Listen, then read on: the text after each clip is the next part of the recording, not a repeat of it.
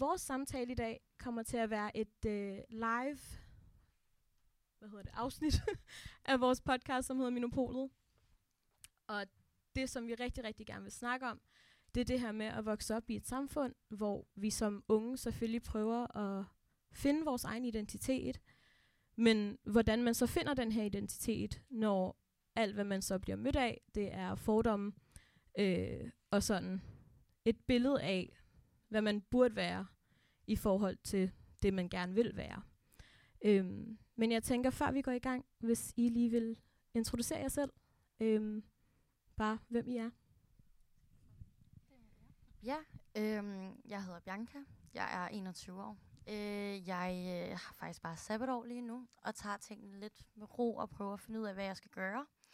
Øhm, og så baggrund, så har jeg så filippinsk baggrund. Ja, jeg hedder Sejrup. Jeg er 23 år gammel og er også på sabbatår mellem bachelor og kandidat. Øhm, jeg, øh, jeg er fra Pakistan. Ja. Mm. Og jeg er så fra Irak. Øhm, det første spørgsmål, jeg gerne vil stille jer, og det er måske sådan et lidt heavy spørgsmål, øhm, men det er, kan I huske første gang, I oplevede enten, at der er nogen, der kom med en fordom omkring jer, øhm, eller sådan påsat jer en eller anden identitetsmarkør, som I slet ikke kunne spejle jer selv i? Jeg kan ikke huske første gang, men jeg kan godt huske, at der var på et tidspunkt en, øhm, som om- også var anden etnisk dansker, som spurgte mig, om vi var de type muslimer, der lyttede til musik eller ej. Og det vidste jeg jo ikke som 9-årig. Altså, jeg vidste jo ikke, om vi var de type muslimer, der lyttede til musik, eller ikke lyttede til musik. Øhm, og det er første gang, eller ni, jeg ved det ikke, jeg tror, jeg gik i første, anden klasse. Jeg tror, mig lidt ældre. Men hun var også fra Pakistan. Øhm, men hun spurgte mig så, jamen, lytter I til musik? Og jeg tror, det var en af de første gange, hvor jeg sådan virkelig skulle tænke på, øh, hvem er jeg? Hvem er vi? Hvad står jeg for? Fordi jeg er født ind til, altså jeg er født til de forældre, jeg er født til. Øhm, så jeg tror, det måske var, det var min første oplevelse, som jeg husker. Jeg tror, jeg har haft mange. Altså, det har jeg virkelig. Jeg har haft øh, Rema 1000, øh, blevet sprunget over, eller blevet talt engelsk til, eller simpelthen bare blevet ignoreret. Har I også prøvet det? Jeg har prøvet øh, folk, der har forvekslet mig som min fars kone, hvis vi har været ude at spise, fordi at that is a thing, og jeg var 12 år på det her tidspunkt. Men jeg tror, at sådan, første encounter, det har nok været, øh, jeg gik på en privatskole ude i Hellerup. Yes. Og øh, ude i Hellerup, så er, var der så på den her privatskole, så rigtig, rigtig mange børn med rigtig mange penge. Og med det fulgtes der ofte sådan en, hvad kan man sige, en au pair-pige, eller en som hjælp. Og fordi jeg har filippinsk baggrund, så selv nogen, som jeg har gået i skole med, siden jeg var 6 år, havde simpelthen en forestilling om, at jeg så også var en au pair-pige. Og det var virkelig chokerende for mig, men hvad jeg tydeligt kan huske var, at på et tidspunkt, så bliver jeg ringet op. Nogle af mine venner, som jeg i øvrigt har kendt i en alder af, altså siden vi var 6 år, ringer til mig og spørger mig om at komme over og rydde op for dem. Altså, What? Ja, og det var for mig en af de gange, hvor jeg var sådan noget, hold da op. Altså det mødte mig virkelig, det var virkelig en realitet, som jeg slet ikke var klar til at møde overhovedet. Og det var en fordom, jeg slet ikke var klar til at tage imod. Og det var for mig noget af det værste nogensinde, fordi det her var ikke bare en fremmed ældre dame eller ældre mand i Rema 1000 med en fordom, eller en på gaden, som kiggede lidt grimt på mig, eller holdt tasken tæt, eller gik på den anden side af gaden, fordi nu kom jeg gående. Det var faktisk mine venner. Altså, Ja. Jeg kan godt huske, du fortalte mig den der historie engang, og det gør seriøst ikke, øh, det er ikke mindre chokerende at lytte til. Jeg føler, man lige skal fordøje. Ja. Bare høre det. Sådan, hvad sagde du lige? Ja, fuldstændig. Ja, men det gik ikke op for mig, at det var noget, jeg havde oplevet før i en alder af 19, da jeg joinede Mino. Møder de jer, og sådan noget, jeg har oplevet det her, at det er forkert, at jeg siger fra. Altså, så chokerende var det, at nogen kunne tillade sig at sige sådan noget til mig. Men jeg tænker også, når jeg lytter til det, I lige har fortalt, det er også meget det der med, at det er folk på jeres egen alder, og det er folk, som er sådan jeres venner, der siger det. Øhm, hvad har det gjort ved sådan måden, I måske agerer på, når I så er ude, for eksempel, eller hvis det er, I møder nogle nye mennesker?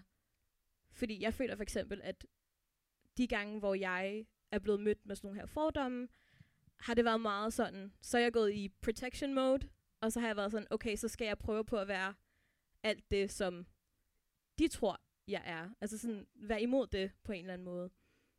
Hvordan har det sådan, har det påvirket den måde, som I møder nye mennesker på? Jeg vil sige, at det, det gjorde det, før jeg var 15. Jeg blev sendt på en opdragelsesrejse, da jeg var 15. Det endte godt. Jeg fik en kæreste ud af det og sådan noget. Det var virkelig sjovt. Men, men før det, før det, så boede jeg i Sønderborg. Og vi var den første pakistanske familie dernede. Og det var ret sjovt. Øh, men der prøvede jeg, når jeg mødte folk, der var det meget, jeg fokuserede meget på, hvordan jeg udtalte ord. Jeg fokuserede meget på, hvilken type mad jeg spiste. Og jeg havde sådan meget, når jeg mødte folk, så skulle jeg på en eller anden måde i de første tre minutter, altså get it across, at jeg var ikke ligesom de andre anetniske, der eksisterer, eller whatever, ikke? Det var meget sådan vigtigt på en eller anden måde, for det skubbet igennem. Øhm, efter jeg så havde været på opdragelsesrejse og kom tilbage, så var jeg lidt ligeglad. Øh, fordi der blev jeg også, da jeg var dernede, blev jeg også mødt med, at hun er fra Danmark, så hun er nok billig type ting. Gik op for mig, det kører alle mulige veje. Det nytter ikke noget at sådan være på forkant hele tiden. Men jeg kan, men jeg, jeg kan tydeligt huske, at, at der var en periode, hvor de første tre minutter, fem minutter, hver gang jeg mødte en etnisk dansker, så skulle jeg bare på en eller anden måde gøre det klart. Jeg var ikke ligesom de andre. De måtte ikke tænke på mig, som de tænkte på mine forældre. På en eller anden måde. Hvis det giver mening. Nej. Hvilket også er mega ondt på en eller anden... Altså sådan, stakkels mine forældre, men du ved... Jo, jeg Ja. Ej, altså, det giver så god mening. Det er jo sådan, jeg faktisk også tit sidder med den. Jeg har jo også, ligesom dig, reageret sådan, at jeg ligesom har tænkt, okay, jeg skal ligesom komme med i forkøbet. Jeg skal sige først, at jeg kan godt finde ned at spise med spisepind, hvilket jeg ikke kan. Altså, jeg, jeg har lært det nu, fordi jeg har kommet fordommene i forkøbet, men altså, jeg, Filippinerne, så bruger vi altså fingre eller ske, fordi man kan få mere mad op, ikke? Men jeg fandt bare ud af til sidst sådan, det gjorde faktisk bare ikke mindre ondt at gøre det mod mig selv. Jeg endte faktisk bare med at blive enormt sådan, hvad kan man sige, sådan, jeg skammede mig ret meget over det. Man bliver også drænet. Man bliver så drænet, altså også bare, at man ligesom skal lave sådan et, jeg er ikke ligesom mængden, jeg er bedre, jeg er mere dansk. Men hvorfor er jeg det? Altså sådan, jeg, hvor, hvorfor er det dårligt at være sådan, ikke? Og det er også bare, det gør jo ikke, altså det gør det ikke bedre, at jeg gør det, eller kommer i forkøbet. Ja. Men jeg tror, det er det samme, det der med, du nævner senere, at man bliver bare drænet af konstant at skulle være i forsvarsmode. Man skal konstant sådan, jeg ved det ikke, sådan tænke på de her fordomme, før man overhovedet får lov til for eksempel at møde nye mennesker. Så er det det der med sådan, åh oh, nej, hvad er det nu, de tænker om mig? Øhm, og det tror jeg nu for mig for eksempel, også da jeg var yngre, så var der også meget den der med sådan, bevis din danskhed, men også den anden fordom med, hvis jeg, det er, at jeg er sammen med nogle andre araber for eksempel, eller mødt folk, der var muslimer, så skulle jeg stadig også på samme tid bevise over for dem, at jeg også var ligesom dem, men jeg skulle også være ligesom danskerne, og så er det det der med, okay, then, then what, the, what am I? What am I? What am I? Øhm, men tror I, at der kommer et tidspunkt for jer for eksempel, fordi at nu kender jeg jer personligt, og vi har talt om det her rigtig mange gange, øhm, men Zainab, du er blevet gift med en etnisk dansk mand, og Bianca, du er kærester med en dansk mand. Øh, men det her med, for eksempel det der med at møde familien, for nu nævnte du lige det der med at møde svigerfamilien. Er det på en eller anden måde kommet tættere på, eller er det så, har det sådan været positivt overraskende måske at møde jeres partners familier? Altså det her med konstant at skulle forsvare jeres danskhed, når I skal møde deres familier, og når det er, at I skal være til julefrokost, eller en eller anden bedsteforældres fødselsdag. Øhm, er de her fordomme så for eksempel kommet tættere på jer? Ja. Altså både og. Øhm, det har også, det har måske også gjort, at jeg har mistet lidt min fordom om, hvordan etniske danskere ser mig. Øhm, men det har også, jeg synes nogle gange, at det er rigtig svært at være i, fordi mange fra øhm, øh, min mands familie, øh, de har meget den, den mentalitet, at de har jo selvfølgelig rigtig mange anden etniske danske venner. Det er jo selvfølgelig ikke dem, de snakker om, når de stemmer DF. Fordi det gør de. det er meget fedt. Øhm, øhm, så det, det er meget sådan, jeg får meget oplevelsen af, jamen vi kan jo godt lide dig. Det er jo ikke dig. Altså, det er jo fordi, jeg ikke har en accent, eller jeg går ikke måske i tracksuits, eller du ved, altså den, den idé, om de har øh, af, af anden etniske, som skaber problemer, det er jo ikke mig. Jeg læser jo jura, og du ved, jeg har din og den på plads. Øhm, og det synes jeg nogle gange er meget svært at være i, for på den ene side vil jeg jo gerne sige til dem, okay, I er helt forkert på den, så nu hænger det ikke sammen. Men på den anden side, så er det også en familie, jeg skal se, altså forhåbentlig resten af livet. øhm, men jeg bliver også mødt med sådan, du ved, øh, jeg har oplevet, at en fra min mands familie sådan, har trådt ham til side og sagt, jamen Zainab, hun er jo heller ikke rigtig muslim. Altså, det, hun er jo ikke ligesom dem. Hun tog jo, altså, hun har jo drukket et glas hvidvin med os. Hun er jo ikke ligesom dem, vi ikke kan lide. Øhm, og det synes jeg faktisk er ret svært at jonglere. Og så er der også en fra hans familie, som har fuldstændig besluttet sig for, jamen, de ved, hvad min identitet er, og jeg er dansk. Jeg har dansk pas, det betyder, at jeg er dansk. Så sådan, du ved, på en eller anden måde, min pakistanske bliver totalt. Der er sådan to ekstremer, de, de går, går ind imellem. Så på den, ene, på den ene punkt skal jeg argumentere for, jamen, ja, jeg er, du ved, jeg har danske værdier, fordi jeg er opvokset her, men jeg er med mig også pakistaner. Altså, de skal ikke bestemme, at jeg er dansk. Fordi det, jamen, det, jeg føler nogle gange, nu bærbler jeg bare fuldstændig, men jeg føler nogle gange, at det er sådan, som om et stempel, de prøver at give mig. Sådan der, jamen, vi godkender dig, agtigt. Du er dansk. Ja. Og længere er den ikke. Ja, sådan, du ved, you're Danish, that's it. Og det synes jeg sådan, det synes jeg kan være ret frustrerende nogle gange. Så det er på den måde sådan, den eneste måde, de kan acceptere det, ja. At det er sådan, så kan du kun være det ene og det andet, og vi skal helst ikke være for mange ting, eller en blanding af noget, og det kan måske også være igen super, super drænende, Ja. og hele tiden skulle tænke på det. Ja, øh, men så er det også bare at snakke med sin partner og lave nogle guidelines om, hvad er drænende, hvad overgår man, hvad gør man ikke. Øh, altså, for eksempel, min mand hedder Rasmus, øh, han skal fandme ikke sige til mig, at jeg kun er dansk. Så flying er. Øh, så den, altså, du ved, de grænser, dem skal man jo bare lære at sætte, hvad er okay, hvad er ikke okay at sige. Der er nogle jokes, jeg simpelthen ikke synes er særlig sjove om min religion. Dem gider jeg ikke at være en del af. Øhm, og så må man jo bare, altså, ja, kommunikere. Men jeg kan nemlig også godt huske den der samtale, at vi sad til et møde, øhm, og Bianca kommer så lige pludselig og fortæller sådan, øh, at der var sket et eller andet på arbejde. Nå, ja, ja. Øhm, og det, jeg kan hu- det er sådan det eneste, jeg kan huske, som virkelig gik mig på, det var det der med, at du hele spurgte os, om det var okay, at du sagde noget, eller at du sagde fra, eller at du sagde det til din chef.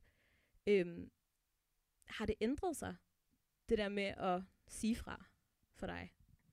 Øhm, jeg tror samtidig med, at man også ændrer sig, tror jeg også, at tiderne omkring en ændrer sig. Øhm, personligt, så har det hjulpet, men det er også fordi, det har taget tid for mig at bearbejde det. Og sådan, jeg har lyst til at, at være sådan, sige fra og stå op for dig selv og sige, hvad du har på hjertet, men jeg synes også, man skal tage med, at man skal ikke gøre det, før man er klar. Fordi du skal ikke være en, altså sådan, du skal ikke være på, hvad kan man sige, skudlinjen for det hele. Det er ikke dig, der skal tage kampen hver gang, og det er heller ikke dig, der skal, hvad kan man sige, sådan, være, altså være den, der tager den hele tiden og skal sige fra. Så sådan, jo, det har hjulpet mig, men jeg har også bare lært at vide, hvornår det er det værd at sige fra, og hvornår det ikke er. Så vælg din kampe, ja. tænker du? Ja. Men jeg synes også, det er sådan interessant, fordi at jeg møder også rigtig mange anetniske øh, danskere, der øh, shamer mig rigtig meget for at sige fra. Fordi at de måske påtager sig en rolle om, at jamen, hvis der er nogen, der spørger, så er det mig, der skal fortælle dem. Og folk spørger jo kun af en god intention, og du ved, øh, man skal altid svare, og man skal gøre din og datten, og det er vores samfundspligt, og jeg ved ikke hvad. Og jeg synes nogle gange, at det er virkelig også bare altså, drænende at høre på, fordi at hvis du siger fra, jamen, så er du en del af problemet. Og hvis du ikke siger fra, jamen, så skaber du, baner du vej for, at folk føler, at de hele tiden kan spørge dig. Øhm, spørge dig om ind til din kultur, fordomme, stereotyper osv. De vil kun lære. Ja, ja, de vil kun lære. Hvad er der og, med det? De vil og det er, kun sådan, lære. det er fint nok, sådan var jeg også, da jeg var 16, men den er god op. Ja. Altså, man bliver træt af det. Det kan være, det den første, den første person, de møder, de stiller det spørgsmål. Men de ved, jo ikke, om, de ved jo ikke, om jeg er blevet spurgt om det samme 10 gange på en uge, 20 gange på en uge. Eller 20 gange den dag, Ja, you know? præcis. I Rema 1000. Hvad Jeg skete tror, der, der i er- Rema ja, hvad 1000? skete Oh my god. Ja, altså, no, det sker så tit. Jeg ved ikke, hvad det er. Jeg ved ikke, om det er, fordi jeg er lav. Måske Altså, skal jeg er du 61. gå ind i en anden butik. Jamen, nej, jeg elsker Rema 1000. Det er jo sådan noget med, at man bliver sprunget over køen, eller folk er sådan totalt ligeglade med, at det er min tur. Eller sådan, ved I hvad jeg mener? Eller sådan, kigger sådan her. på en, og så er jeg sådan, what is your problem? Hvad har jeg gjort dig? Altså, jeg står her med min Rema 1000 øh, pasta sauce til 5 kroner på den på tilbud, og jeg er sådan lidt, hvad har jeg gjort? Altså, Jeg vil bare gerne betale. jeg vil bare gerne betale. Jeg skal have aftensmad. Men nu det her med, at øh, vi har oplevet sådan ret mange ting, og man bliver rigtig, rigtig træt. Øhm, der er en del af mig, der føler, at sådan, da jeg var yngre igen, det var det der med sådan, man vil gerne vælge side, men man vil gerne være en del af begge ting, og man skulle være begge ting lige meget, og det var en helt kamp. Øh, og så tror jeg, at jo ældre jeg er blevet, så er det det der, som du siger med, at man vælger sin kampe. Øhm, men er der nogle gange, hvor I vælger for eksempel at sige, okay, der er øh, sådan, den her kamp tager jeg ikke, og så går I hjem, og så er I bare sådan lidt, åh, jeg skulle have sagt det eller andet. Øhm, hvordan, okay, jeg prøver lige at forklare det på en eller anden måde. Men det der for eksempel med, at du sagde, at der er nogen med etnisk, anden etnisk baggrund for eksempel, som har det der med, at jo, I kan stille mig alle spørgsmål, og alting er fint, og jeg skal nok fortælle det, og du ved, jeg skal nok be your lecture, og gøre det her gratis, og undervise og sådan noget. Men en del af mig føler også bare, at det er en eller anden rejse, man nærmest er på, og man finder alle sammen den her, jeg tror måske styrke til at sige fra, eller man bliver godt træt af det på forskellige tidspunkter. Øhm, jeg tror, jeg har fundet en eller anden måde, hvor at jeg har ladet folk være sådan, hvis du har lyst til at tage de kampe, så tager du de kampe, but I'm gonna, I'm gonna sit over here. hvor føler I, I er i sådan i den rejse for jer, i forhold til enten at sige fra, eller sige noget? Altså, øhm, jeg havde faktisk, sådan, øh, hvad hedder det, jeg var på familieweekend med Rasmus' familie, og det var sådan omkring 40 mennesker på sådan en lejerskole, de havde lejet et eller andet fødselsdags... En sådan en lejerskole, man kunne lege i weekenden eller sådan noget. Og jeg var den eneste anden etnisk til stede, det var meget get out. Ej, det lyder, Øh, ej, det lyder bare det var så white, get det out. der. Nej, Ej, no offense, men sådan, det lyder bare Jeg kiggede på. Rasmus og var sådan der, hvis det her det bliver en get out situation, ikke? Har de Men- selv betalt for det? Eller Ja, ja, de har selv, altså du ved. Men det er åbenbart noget, hans familie kan lide at lave, lege en lejerskole, og så tager de sådan en weekend og drikker øl og spiller whack-spil og sådan noget. Det er virkelig hyggeligt. I swear to God. Nå, men, øhm, men øhm, ja, så mødes vi så der, og øh, fordi jeg så er den eneste, altså jeg er den, du ved, de only pakistaner til stede med mørk hud, hele den weekend føler jeg, det eneste jeg havde, det var politiske diskussioner. Det eneste folk spurgte, der, der var vidt, altså de var mega søde alle sammen, der var ikke noget der, men det var just not the time. Øhm, vi sidder der og prøver at spise kage, og så kommer der en op og spørger mig sådan, jamen hvad synes du så om, du ved, vi vil gerne have intri- vi- folk integreret på arbejdspladsen, og hvad synes du her, og hvordan kan man gøre det, og hvad er dine holdninger, og bla bla bla. Du ved, og man bliver totalt, altså man bliver skør. Jeg gik ind på vores værelse på et tidspunkt, og jeg var sådan, jeg gider ikke være her mere og get out. Prøv her. Jeg var, Jamen, altså sådan, du ved, og, så, og, du, og det var jo konstant, og så fandt jeg jo så ud af, at ved du hvad, jeg adopterer de regler, de adopterer. Øhm, hvis det ikke er noget, du ville spørge en anden, altså en etnisk dansker om, så lad være med at spørge mig, og jeg gider ikke svare. Øh, du vil ikke spørge en etnisk dansker om deres religion på arbejdspladsen eller i kaffepausen. Så hvis der er nogen, der spørger mig om det, så gider jeg ikke svare. Hvis vi sidder på en café og har en god diskussion, feel free, så kan vi godt. Men når jeg er på familieweekend, så vil jeg fandme også bare sidde og spille Ludo. Altså sådan, du ved, så, så har jeg bare, det er min grænse, fandt jeg ud af, at når jeg er på, når jeg er på time off, når, når, når andre ikke bliver spurgt om det samme, jamen, så har jeg, så føler jeg ingen obligation, at jeg skal sidde og svare på julefrokost, hvad jeg synes om, hvad der foregår i Pakistan, eller i Iran, eller whatever. Altså sådan, du ved, hvis vi ikke har den relation, hvis du ikke vil spørge en, anden et, en etnisk dansker om det, så lad være med at spørge mig. Du får ikke noget ud af det. det er sådan min grænse nu. Mm. Jeg tror også, hvis vi tænker på, at nu er vi selvfølgelig en del af Mino, og det her med, at vores sådan minoritetsbaggrund spiller en ret stor rolle, men på en anden måde, end hvis det var sådan, du ved, a diversity club. Men der er jo plads, altså giver det mening? Når man bliver spurgt om det i forhold til Mino, så er man jo mere, mere end velkommen, fordi det er en platform for det. Men ikke når man er på arbejde. Ikke når man er, altså du ved, ens, altså hele ens identitet, identitet behøver, behøver jo ikke gå ud på undervise eller belære andre om, hvem man er. Så har man jo ikke tid til at finde ud af, hvem man er. Men det er også bare, har I nogensinde overvejet, vi har frivillige møder en gang imellem, hvilket er fantastisk. Vi kommer, altså vi, vi ser hinanden, vi, vi er sammen, vi spiller spil, Kahoot, sange, konkurrence, whatever. Øhm, og det går, altså det går down, men på intet tidspunkt i de 3-4 timer, vi er sammen, hvis ikke mere bagefter, har vi nogensinde haft sådan et første spørgsmål, om vi møder en. Hej, jeg hedder Bianca, og hvad er din etnicitet? Nej, hvor er du rigtig fra? Og hvilken religion har du? Og drikker du alkohol? Og sådan, er du sikker på, at din mor ved, at du er her? Altså, der, der har aldrig nogensinde været den, det møde som det første. Så hvorfor skulle man også, altså hvorfor er det også sådan andre steder? Ja. Ja. Men jeg tror også bare, at det er sådan, vi har været gode til at skabe det her rum, hvor at det har været meget vigtigt for os, at det skulle være et safe space. Og jo, de her samtaler kan vi måske godt have sådan senere hen, men det er bare ikke sådan, du ved, det første spørgsmål, der bliver stillet, det er sådan, ved din mor godt, du er her, eller har du løjet? Øh, Ja. Men det andet spørgsmål, jeg vil stille i forhold til det, det var, har I på en eller anden måde, mens jo ældre I er blevet, fundet en eller anden sådan styrke, eller fundet en, en pride i det her med at have en anden kulturel baggrund, som I måske har taget mere hen sådan i jeres hverdag? Bare for at have det lidt mere positivt. Ja. Øh, jeg elsker pakistansk litteratur. Det blev jeg forelsket i, da jeg var på sat opdragelsesrejse. Øh, der blev jeg mega, mega forelsket i øh, pak Pakistans litteratur. Øh, vores poesi, noget som vi laver, der hedder Qawwalis. Øh, det er en form for folkemusik, sufi-inspireret poesi, som jeg faktisk øh, elsker at prøve at oversætte til dansk også, fordi der findes ikke så meget øh, om det i Danmark.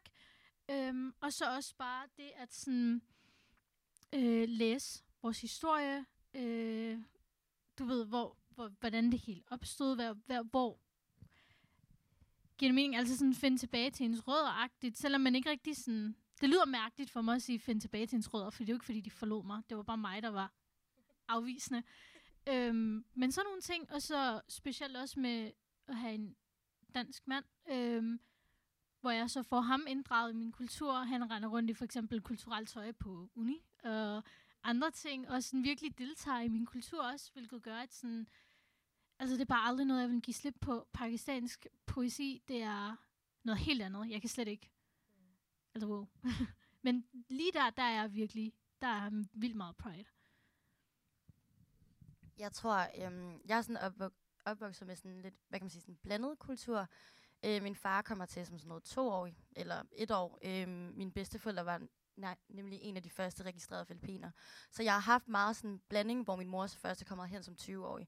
Men sådan, jeg havde en periode, hvor jeg virkelig var sådan noget, åh, oh, det er pinligt berørt over, jeg skal slet ikke nærme mig det. Jeg var virkelig, jeg vil ikke svare folk, altså jeg vil ikke tage telefonen, da de facetimede mig. Jeg, jeg vil ikke svare fødselsdagsbeskeder. Altså, jeg er virkelig sådan noget, nej, nej, jeg spiser ikke ris til morgenmad. Jo, jeg gør. Altså sådan, men jeg tror, måden, hvad det er blevet for mig nu, og måden, jeg ligesom sådan, hvad kan man sige, sådan embracer min kultur, og embracer, hvad kan man sige, sådan min diversitet, og hvordan jeg bare er mig selv, det er egentlig bare ved at sådan, tage det med i min hverdag. Altså, hvordan jeg ser på tingene, hvordan jeg kommer igennem ting, måden jeg bærer mig selv på. Det ligger meget i min kultur, at jeg bliver ved, eller jeg fortsætter, eller jeg samler mig selv op.